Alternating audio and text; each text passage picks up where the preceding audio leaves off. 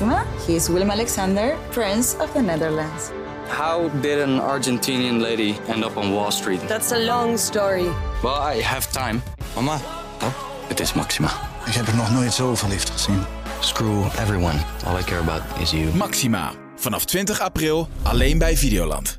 Beste luisteraars en kijkers via onze website, welkom bij een nieuwe aflevering van Onder de Pannen, de podcast over geldzaken rond het huis. Mijn naam is Stefan ten Tijk, ik ben redacteur wonen van het Algemeen Dagblad en ik ben hier samen met Marga Langkrijer van independent.nl. Hallo Marga. Hoi Stefan. De kerstboom staat nog niet, Nee, nee, nog niet. Sinterklaas is net de deur uit, dus eh, bijna. Maar het is wel gezellig eh, in huis. Deze aflevering gaan we het hebben over de overdrachtsbelasting. Ook een gezellig onderwerp, want daar gaat vanaf 1 januari eh, 2021 een hoop mee veranderen. Het heeft dus invloed op de hele woningmarkt, zelfs voor huurders. En wat die invloed precies is, eh, ja, blijf luisteren.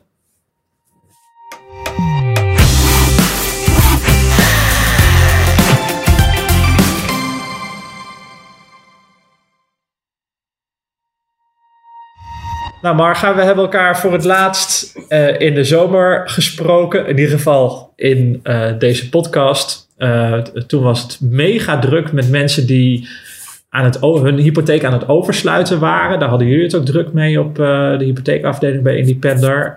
Is dat nog steeds zo? Nou, er zijn zeker nog mensen die gaan, eh, gaan oversluiten. eh, maar de, de topdrukte is wel eh, voorbij. En dat kwam eigenlijk omdat op dat moment de rentes zo aan het stijgen waren. En mensen dachten, ja, maar als ze nog verder stijgen, dan wil ik er gewoon bij zijn met die lage rente. En ja, dat is de afgelopen maanden zie je dat de rente weer heel langzaam gaat dalen. Eh, we zijn nog niet op het punt van, eh, van 16 maart, hè, de, de, de lockdown-dag, zeg maar. Ehm, maar eh, je, je ziet dat die langzaam weer daalt. Een beetje stabiel lichtdalend eh, is de afgelopen twee, drie maanden. Ja. Oké, eh, interessant. Eh, en en eh, is, is er een verwachting dat dat, dat, dat zo blijft? Of hoe, hoe kijken jullie daar als, tegenaan? als ik dat wist, dan was ik rijk. Dus het is, het, je, weet, je weet het eigenlijk niet. Hè, de, de, de, en, en dan moet je eigenlijk kijken naar de grote voorspellers, de echte, eh, ja, de mensen die bij de grote banken werken, die, die daar iets over kunnen zeggen. Maar ook die hebben het vaak mis. Dus het, het, is, het is lastig. Ja. Maar goed, we hebben elkaar natuurlijk best wel lang niet eh, gesproken. Hoe is het met jouw eh huizenjacht? Ben je, heb je al gekocht? Ja, ja, ik heb al gekocht. Eh, maar ik heb geen huis gekocht. Ik heb een loods gekocht. Eh, dus eh, daar gaan we nog een huis van maken. Dus het zit wat eh, ingewikkelder in elkaar dan eh, normaal gesproken. Eh, maar misschien nog wel een, eh, een leuk topic om, eh, om later misschien een hele, ja, een hele podcast aan te wijden. Ehm, overdrachtsbelasting is trouwens wel een interessant topic. Want omdat ik een loods heb gekocht en dat is een bedrijfspand, betaal ik 8% overdrachtsbelasting in plaats van 0% overdrachtsbelasting. Ja, want ik ben nog onder de 35 en, en mijn vriendin ook. Dus eh, ja, dat, dat was eh, een, een mooi voordeeltje eh, geweest. En nu moeten we 8% eh, betalen. Maar het, het is een heel gaaf project in een CPO. Dat is collectief particulier opdrachtgeverschap. Dus een soort burgerinitiatief. Waarbij er dus geen ontwikkelaar is die ertussen zit. Maar wij zelf de ontwikkelaar zijn. En dat betekent dat we dus zelf de architect in moeten schakelen. Zelf eh, de keuzes moeten maken voor hoe het eruit eh, komt te zien, eh, materiaalgebruik, welke aannemer we gaan kiezen. Dus eigenlijk is alles in eigen beheer. Dat maakt Heel het een heel interessant, gaaf, gaaf project. Ja, ja, ja zeker, zeker. gaaf. Maar ga je zelf dan ook de handen uit de mouw eh, steken? Ga je zelf ook wat doen? Nou, ik ben denk ik niet handig genoeg om, om echt een serieuze bijdrage te leveren. Dus ik zal daar best wel veel zijn en, en veel leren, denk ik. Eh, Misschien slopen, slopen lukt ook nog wel, denk ik. Ja. Want er moet, moet ook best wel wat. De, de verdiepingsvloer moet er bijvoorbeeld helemaal uit. Eh, dus die gaan we denk ik zelf slopen. Of demonteren, nog beter. Uh, alleen, uh, ik denk dat we dan al gauw uh, plaats gaan maken voor de aannemers, de, de timmerlieden die ervoor hebben doorgeleerd en, en echt twee rechterhanden hebben. Yeah. maar ik moet zeggen dat ook het meeste werk zit hem denk ik vooral in het organiseren van, van alles. Hè. en ook de financiering trouwens rondkrijgen. Dat is ook al een heel traject, traject, waar... ja. een nieuw, nieuwe deuren voor je open gaan. Want bij een CPO is het dan weer net wat anders dan bij een normaal nieuwbouwhuis. Het is ook eigenlijk geen nieuwbouw, het is een verbouwing die wij gaan doen. Dus we blijven binnen de bestaande structuur van het gebouw. Uh, ja, maken we eigenlijk iets, iets heel nieuws. Het is nu nog een, uh, een opslagloods. En zometeen uh, komt daar een keuken en een badkamer in en zo. Het wordt echt heel cool. Heel spannend. En wanneer moet het dan ergens klaar zijn? Ja, ik denk dat het nog wel anderhalf jaar, misschien zelfs twee jaar gaat, oh, gaat duren. ik, ik, ik ben tot nu toe heel erg naïef geweest over het project. En ik denk dat dat de enige manier is om ook uh, ja, daadwerkelijk uh, dit te kunnen doen. Want er komt zoveel op je pad. Het is zoveel geregeld. En uh, nou ja, je hebt ook wel te maken met financiële tegenslagen. Of ineens dat je denkt: oh, het project kan niet doorgaan. Want je komt er niet helemaal uit met de verkopende partij bijvoorbeeld. Ja. Um, ja, en iedere keer kom je weer een drempel over en dan zeg je: Oké, en wat moeten we nu doen? Maar als je die hele berg aan informatie ziet van wat je nog moet doen, en je weet het van begin af aan, dan uh, terwijl je er niet voor hebt geleerd, je, je, bent geen, geen professional. Uh, ja, dan denk ik dat je al snel de moed in de schoenen zakt en, uh, en niet verder gaat. Dus ik ben ook een beetje expres naïef en ik weet nog niet. Dus ik ga ervan uit dat we in september gaan bouwen en dat het misschien al binnen een half jaar klaar is. Mm, en ja, nou. dan, dan weet je dat, het, dat, dat september misschien iets, iets te uh, positief bekeken is. En dat het misschien ook wel te positief is dat het binnen een half jaar dan klaar is. Ja. Maar uh, ja, het mag ook wel wat uitlopen. Ik bedoel, ik woon nu ook prettig, maar uh, ja, we willen op een gegeven moment dus, wel door. Je hebt dus je huidige appartement nog niet in de verkoop gezet.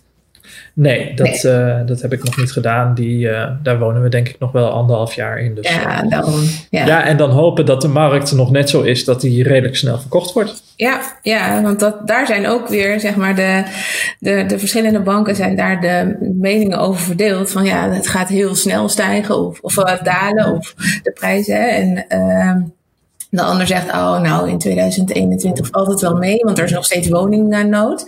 Dus dat is mhm. ook, ja, we, we weten gewoon eigenlijk niet hoe het er volgend jaar voor staat. Dus nee. het is allemaal maar... Wat we, wel weten, wat we wel weten is natuurlijk hoe... Uh, wat de belasting uh, gaat worden. Nog ja. niet zo heel lang trouwens, want het was een. Uh, de plannen werden bekendgemaakt uh, zo rond Prinsjesdag, hè, of op Prinsjesdag zelfs. Ehm, dat er dus iets anders zou gaan gebeuren met de overdrachtsbelasting. Met name om starters te sparen. Wat is eigenlijk het belangrijkste nieuws van die dag? En wat is daarna goedgekeurd door, door de Tweede Kamer? Kun je dat vertellen? Ja, het uh, belangrijkste nieuws is dat je eigenlijk tot, tot 35 jaar geen overdrachtsbelasting meer hoeft te betalen. En uh, dat was eerder 2%. Uh, dus als je voor 3 ton koopt, moest je 6000 euro betalen. En uh, dat is per 1 januari uh, hoeft dat niet meer als je onder de 35 bent. En eerder kwamen er natuurlijk wat ballonnetjes op voor Prinsjesdag en dachten we dat dat alleen voor starters zou zijn. Maar het is ook dus voor doorstromers zoals, zoals jij. Maar ja, jij, bent, jij koopt natuurlijk CPO en is weer een andere regeling. Dus ook voor doorstromers die onder de 35 zijn, geldt vanaf 1 januari geen overdrachtsbelasting meer. Nou, en, en daar hebben ze natuurlijk, daar zijn ze groot mee naar buiten gekomen. En, uh, maar moesten natuurlijk nog wel even uh, door de Tweede Kamer en natuurlijk ook door de Eerste Kamer heen. En uh, je ziet dat dat in november daar doorheen is gekomen, maar wel met een aanpassing. Want als je een starter bent die in het hoge segment koopt, dus boven de 4 ton, dan moet je wel die 2% overdrachtsbelasting betalen. Maar dat geldt pas vanaf 1 april. Dus, ja, dat was, dat was even een momentje. Hè? Dus uh, ik kan me voorstellen als je echt bezig bent nu met het kopen van een huis, dat het heel spannend was om, uh, ja, om die discussie in de Tweede Kamer te volgen. Want het gaat gewoon ja, om duizenden euro's. Het gebeurt niet vaak dat een politieke maatregel uh, zo direct jouw portemonnee kan raken als je in dat proces zit. Dus eerder heb jij al in een artikel ook voor het AD uh, uh, gezegd van goh, als je nu gaat kopen, laat dan in ieder geval vastleggen dat je na 1 januari, en je zit in die leeftijdsgroep uiteraard, dat je uh, na 1 januari laat passeren bij de notaris. Want dan heb je het voordeel van die uh, uh, overdrachtsbelasting die is afgeschaft. Klopt. Um, maar dat, dat zei je eigenlijk voor iedereen. Was, ja. dat, was dat het, het advies? Dus er waren waarschijnlijk ook al mensen die uh, nou ja, onder de 35 zijn, maar wel al een huis kunnen kopen van boven de 4 ton. Ja. Dat ook al misschien hadden gedaan en zouden laten passeren op nou ja, 10 januari of misschien zelfs op 10 februari of nog in maart. Uh, want dat is net wat je afspreekt met de verkoper wanneer mm -hmm. je dat, die, die, die passering laat, laat doorgaan bij de notaris. Nou, dat is het moment dat wordt gemeten. En nu is er dus eigenlijk gezegd van ja, die mensen die al rekening hebben gehouden met dat voordeel, die mogen dus, ook als ze een huis van meer dan 4 ton hebben gekocht, uh, ja, blijven gebruik maken van dat voordeel tot 1 april. Ja, dat is even heel belangrijk. Hè? Tot 1 april kan je dus nog boven de 4 ton ook van de regeling gebruik maken. Uh, ook denk ik dat de overheid dat gezegd heeft, omdat er veel mensen al daarop hebben geacteerd natuurlijk. Hè? Er werd, het werd groots in het in het nieuws gebracht. Er werden al uh, uh, infographics uh, reclame over gemaakt vanuit de Belastingdienst. Zo werkt het. En ja, dan kunnen ze natuurlijk ook niet meer terug. Um, maar ja, die, regel is er natuurlijk om, ja, om, om, kleine starters te helpen aan een woning. En vandaar dat ze hebben gezegd vanuit de druk in de Tweede Kamer van de oppositie, hebben ze gezegd, ja, we gaan dat dus inderdaad helpen voor de groep die dat het hardst nodig heeft tot 4 ton. En dan gaan we dat vanaf 1 april toch weer terugdraaien voor die groep. En die moeten dan 2% betalen. Maar de starters tot 35 jaar die tot 4 ton kopen, hebben vanaf volgend jaar geen overdrachtsbelasting uh, meer. Maar een ja. grote voorwaarde is natuurlijk wel dat je er zelf in moet gaan wonen. Dus je kunt het niet uh, kopen voor, om te verhuren. Uh, want dan uh, moet je namelijk per 1 januari 8% overdrachtsbelasting betalen. Ja, en uh, het ging in het begin heel veel over die starters, omdat dat, uh, ja, ik zou ook bijna zeggen, mediagenieke doelgroep is. Hè? iedereen, iedereen is begonnen als starter. ofwel, je hebt kinderen in, in die doelgroep die, waarvan je ziet dat die geen huis kunnen vinden. of heel moeilijk in ieder geval. Mm -hmm. En uh, nou, dus daar was het allemaal voor bedoeld. Maar dat moet natuurlijk wel betaald worden. Uh, en het is niet zo dat, uh, dat er is gezegd, ook op Prinsjesdag wisten we al dat, er, nou, dat het geld niet meer tot in de hemel groeit. dus um, dat wordt nu betaald eigenlijk door beleggers. Zo zou je het kunnen zien. Want die moeten echt meer belasting, echt fors meer belasting ook die gaan betalen. Die moeten fors meer, in plaats van 2% moeten ze 8% gaan betalen. Ja. En wie behoren precies tot die groep uh, beleggers? Ja, je zegt al eigenlijk is het een huis waar je niet zelf in gaat wonen. Iedereen inderdaad die een huis koopt, die uh, er niet uh, zelf in gaat wonen. Dus ook als je als ouders bijvoorbeeld voor je kind in de stad waar ze gaan studeren een appartementje koopt, dat gebeurt best wel vaak, dan ja, is het helaas 8% belasting vanaf 1 januari. Ja. Ja. En um, ik weet dat huren niet uh, direct uh, jouw terrein is, dus laat ik hem zelf ook heel even inkoppen, deze vraag. Maar de vrees uh, onder economen, onder andere ABN AMRO heb ik hierover gesproken, is dat, dat, dat die verhuurders dat dan misschien door gaan rekenen in, in de huurdersprijzen, ja. die toch al heel erg hoog liggen. Um, aan de andere kant zie je nu weer bijvoorbeeld in Amsterdam dat die huren wat gaan, gaan zakken hè, vanwege het feit dat er, dat er minder uh, expats, minder mensen uit het buitenland uh, zich, zich vestigen in, uh, in Amsterdam. Ja. Of dat ook in de andere steden gaat gebeuren, weten we natuurlijk nog niet. Maar dat zou natuurlijk kunnen. En aan, zeg maar, je hebt natuurlijk de huren, maar het zou natuurlijk ook effect kunnen hebben op de koopprijzen, hè, op de verkoopprijzen. Um, uh, voor, de, voor de verhuurders is, is dat natuurlijk wat lastiger, want die moeten ineens veel meer gaan betalen. Maar het, zou natuurlijk kunnen dat je een starterswoning uh, ja, bewust weer uh, verhoogt in prijs, omdat je ja, toch weet dat die starters die, die uh, 2% niet hoeven te betalen. Nou, dat weten we allemaal nog niet of dat gebeurt. Dus de huizenprijzen zijn natuurlijk alleen maar aan het stijgen. Um, en ja, het is, het is afwachten wat dat, wat dat na 1 januari doet.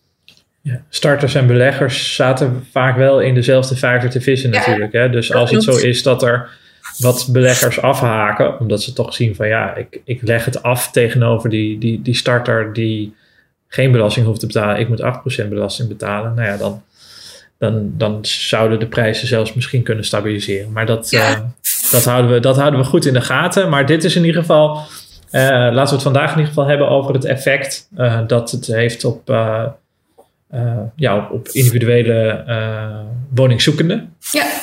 En dat is best wel groot. Nou, het, zou, het zou heel mooi zijn als er dus meer aanbod komt en dat jij als huiszoekende, hè, woningzoekende, uh, toch wel wat sneller aan een woning komt. En je, je ziet nu bijvoorbeeld mensen die echt een half jaar tot een jaar, misschien nog wel langer gezocht hebben naar iets wat bij ze past. Uh, of dat mensen zeggen, ja, ik heb toch concessies gedaan op de tuin of op uh, het aantal kamers. Want ja, ik wil toch uh, naar een volgende woning, ik wil toch iets kopen. En ja, het zou mooi zijn als daar uh, iets meer aanbod uh, voor is met deze regeling. Ja, nog heel even heel precies. Als de een nu uh, 35 plus is en je koopt met z'n tweeën en de ander is 32, wat, wat gebeurt er dan? Ja, je betaalt belasting per persoon, per aandeel, wat je uh, eigenlijk eigenaar wordt van de woning. Dus als je 36 bent, betaal je 2%. En is jouw partner 32, dan betaalt die 0%.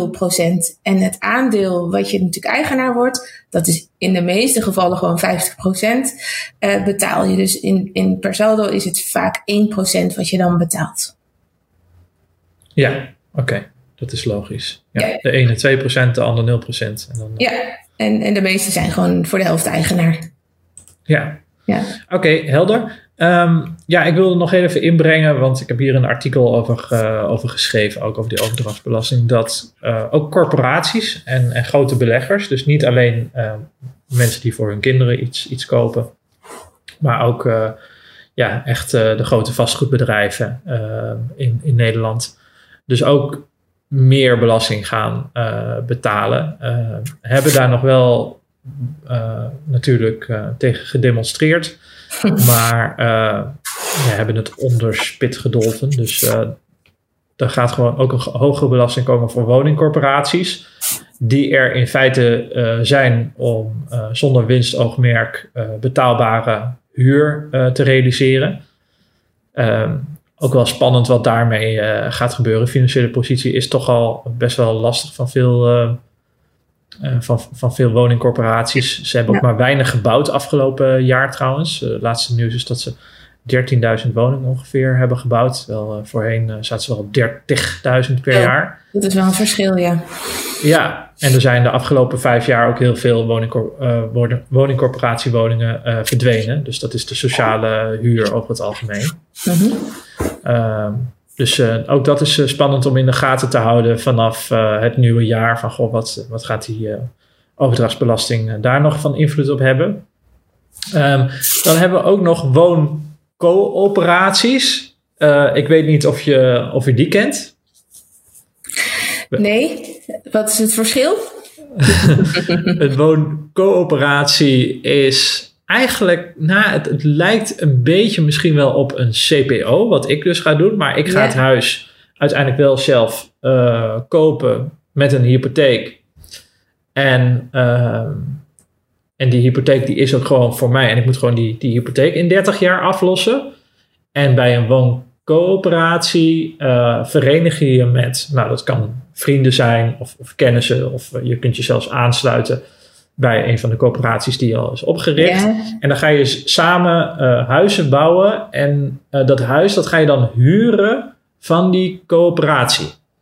Dus je stopt natuurlijk wel hypotheekgeld in zo'n coöperatie. Dat is sinds een paar jaar kan dat. Is dat ook wettelijk vastgelegd dat het, zo, dat het zo mag werken. En ja, het zit een beetje tussen koop en huur in, zou je kunnen zeggen. Je hebt wel heel veel te zeggen over hoe het huis eruit komt te zien. Uh, je hebt ook helemaal het, het, het eigenaarsgevoel van, oh, we, hè, we kunnen hier samen iets, iets van maken. En vaak doen ze ook dat ze samen een moestuin hebben. Of, hè, dus het is best wel idealistisch ingestoken. En je gaat het dan dus huren uh, van, de van de coöperatie die je zelf hebt opgericht. Um, die belasting um, blijft 2%. Dus als je zoiets gaat doen, dan, dan heb je ook een overdrachtsbelasting van 2%. Ja. En, en dat blijft zo. Uh, het was heel even uh, de vraag of dat dat kon. Uh, want aanvankelijk zou dit ook naar uh, 8% gaan, meen ik. En nou dat, dat zou eigenlijk dit mooie initiatief in de weg zitten. Ja, zeker. Dus daar, daar zijn ze van afgestapt. dan heb je nog transformatiewoningen. Nou, dan heb, zijn we eigenlijk weer terug bij de woning waar ik zo meteen mee te maken heb, dat is dus nu nog een bedrijfspand. Uh, er zit al wel toevallig een, een, een, een woon-werkbestemming op. Anders moet je ook nog het bestemmingsplan helemaal aanpassen. Nou, dat is echt best wel een traject waar, waar ja, ingewikkelde procedures aan hangen. En dat, dat krijg je niet zomaar voor elkaar bij een gemeente. dus in mijn geval zat er al een woonbestemming op. Dat is, dat is prettig. Maar het is nu wel een bedrijfspand en daar maak je dan een woning van. Dus wat je koopt is feitelijk een bedrijfswoning. Of een, een, een bedrijfspand. En uh, bedrijfspanden die zaten allemaal op 6%. Klopt, uh, ja. En dat is nu ook naar 8% gegaan. Dus dat, daar betaal je ook meer belasting voor. Betekent dus ook dat heel veel van die vastgoedbedrijven die bijvoorbeeld kantoren opkopen om daar woningen in uh, te realiseren, dat die dus ook wat meer, nou ja, dat er wat meer belasting betaald moet worden en, en dus niet in die woning kan gaan zitten. Ofwel doorberekend moet worden aan de huurder, ofwel er is minder winst uh, voor het vastgoedbedrijf dat dat, ja. uh, dat, dat gaat doen. Ja. En dat zijn toch best wel veel woningen hoor. In 2019 waren er 12.500 uh, ja, bedrijfspanden omgeturnd tot, tot woning. Nou, en dat als kunnen je winkeltjes nu, zijn. Ja. Als je nu ook uh, kijkt hoeveel winkels er leeg staan hè, en, uh, en kantoorpanden eigenlijk uh, half nodig zijn, denk ik dat dat steeds vaker gaat gebeuren. Alleen ja, dan zit de, degene die dit opkoopt en dat wil ontwikkelen, wel met die 2% meer kosten. Ja. Ja, ja, zeker. En de Nee, je kunt- natuurlijk, want daar zitten niet altijd woonbestemmingen op natuurlijk. Nee, dus ehm, nou ja, weet je, wat zou daar het effect van, zou, van, van kunnen zijn? Het kan natuurlijk dat, ehm, dat die bedrijfspanden daardoor gewoon iets, iets minder eh, duur worden opgekocht. Dus dat de eigenaren daarvan zien van ja, oké, ik moet iets in prijs verlagen. eh, want anders krijg ik het niet verkocht. Omdat dat vastgoedbedrijf dat er een woning van wil maken, ja, die, die heeft wel zijn, zijn marge nodig. En op zich in de bouwwereld is niet veel marge. Hè? Dat heb ik inmiddels wel. eh, oh, ik hoor, ik hoor je stoel eh, ernstig eh, kraken. Maakt niet uit. Ehm, eh, er is niet waanzinnig veel marge in de, in de bouw. Hè? Dat zie je ook als je zo'n huis laat bouwen. Nee, nee, het moet allemaal goedkoop. Heel, heel goedkoop. Ja. Ja, ik denk dat, dat er best wel bedrijven zijn en aannemers die, die goed verdienen hoor. Maar ehm, ja, 8% marge is inclusief faalkosten. Eh, dus dat betekent dat als je als aannemer dan tegen problemen oploopt tijdens de bouw. eh, tenminste, dat, dat zie ik nu gewoon bij mijn project. Hè? Dus, eh, jou. de, ja. dus dan zie je van, oké, als je een trap wil kopen en je wil een mooie glazen pui en weet ik, nou, dan zie je daar allemaal de prijzen van. En dan komt daar 8% bij op. En dat is dan ofwel de winst van de aannemer, of het is, ehm, of het, of het zijn faalkosten. Dus ze komen, weet ik veel, iets tegen waardoor ze opnieuw de boel moeten stutten of eh, een nieuwe fundering aan moeten eh, brengen. En ja, dat, dat kost geld. Maar Ja. van tevoren bepaal je natuurlijk al de prijs. Anders is het een veel te groot risico voor de, voor de koper. En eh, dus die, die, die faalkosten die zitten daarin. En ja, misschien hou je dus maar enkele procenten over aan, aan marge dat winst is voor het bedrijf. Ja, dat zou kunnen, ja. ja. We hebben er nog één, hè? De nieuwbouw. Want de nieuwbouw, eh, daar, betaal, ja, daar betaal je namelijk helemaal geen overdrachtsbelasting. En eh, dus da- daar heeft het eigenlijk ook per 1 januari is het niet anders. Eh, want daar betaalde je dat dan niet. Je betaalt daar BTW, alleen zit dat in de koopaannemovereenkomsten. In de prijs zit dat in, eh, in, in verwerkt. Dus als je dat koopt, heb je helemaal niets om uit te zoeken of, of je er wel of niet aan voldoet. Ja, Oké, dus het is niet zo dat uh, mensen die een nieuwbouwhuis kopen geen belasting betalen, maar nee. die belasting die zit in de uh, toegevoegde waarde. In de BTW, ja. Ja, BTW. Ja. ja. Oké, okay, nou uh, als je dus een nieuwbouwhuis gaat kopen, dan weet je dat je die, die 2% of die 6% uh, ja, want dat, hebben we dat goed uitgelegd? Dat, uh, dat het dus wel 2% blijft voor, uh, voor mensen die dus een, een huis van meer dan 4 ton kopen. Klopt, meer dan 4 ton, dat hebben we volgens mij goed uitgelegd. En ja, natuurlijk, als ja. je boven de 35 bent, betaal je ook nog steeds 2% overdrachtsbelasting. Dus die ja. moet je altijd of mee financieren of uit eigen geld betalen. Ja, dus dan de laatste vraag die ik erover heb. Uh, want dat meefinancieren, dat kan niet altijd, toch? Nee, als je starter bent, is het meestal uh, zo dat je dat niet kan meefinancieren, omdat je dus maximaal 100% van de marktwaarde van de ja, waarde waarvan je het huis koopt, uh, kunt financieren. Dus alles wat daarboven zit, dus ook die overdrachtsbelasting, maar ook de kosten van je, voor het afsluiten van je hypotheek of voor de taxatie, die zijn allemaal voor jou. En die moet je echt ja, gespaard hebben of door een schenking krijgen. Um, want die kun je niet mee financieren. Maar als je doorstroomt, zit dat vaak anders. Want dan heb je meestal overwaarde. En dan kun je het allemaal meenemen. Want eigenlijk betaal je dan de overdrachtsbelasting door de overwaarde. Ja, precies. En uh, het huis moet dus getaxeerd worden uh, op het moment dat je het al hebt gekocht. Hè? Dus dan, je koopt ja. eerst het huis. En je zou zeggen dat is dan de marktwaarde. Maar er is altijd nog een taxateur die dat even checkt. En in het gunstigste geval is het huis dus wat meer waard dan wat je ervoor hebt uh, gekocht. Ja, waardoor je wat, wat, wat meer en waar, waardoor je dus bijvoorbeeld ook die overdrachtsbelasting kunt meefinancieren. Klopt, dat, uh, de, de meeste liggen toch wel aardig op de, op de koop, hè, de koopprijs. Uh, maar soms gebeurt het wel eens inderdaad dat het hoger of lager ligt. En als het lager ligt moet je meer eigen geld meenemen. Als het hoger ligt kun je iets meer mee financieren inderdaad. Ja.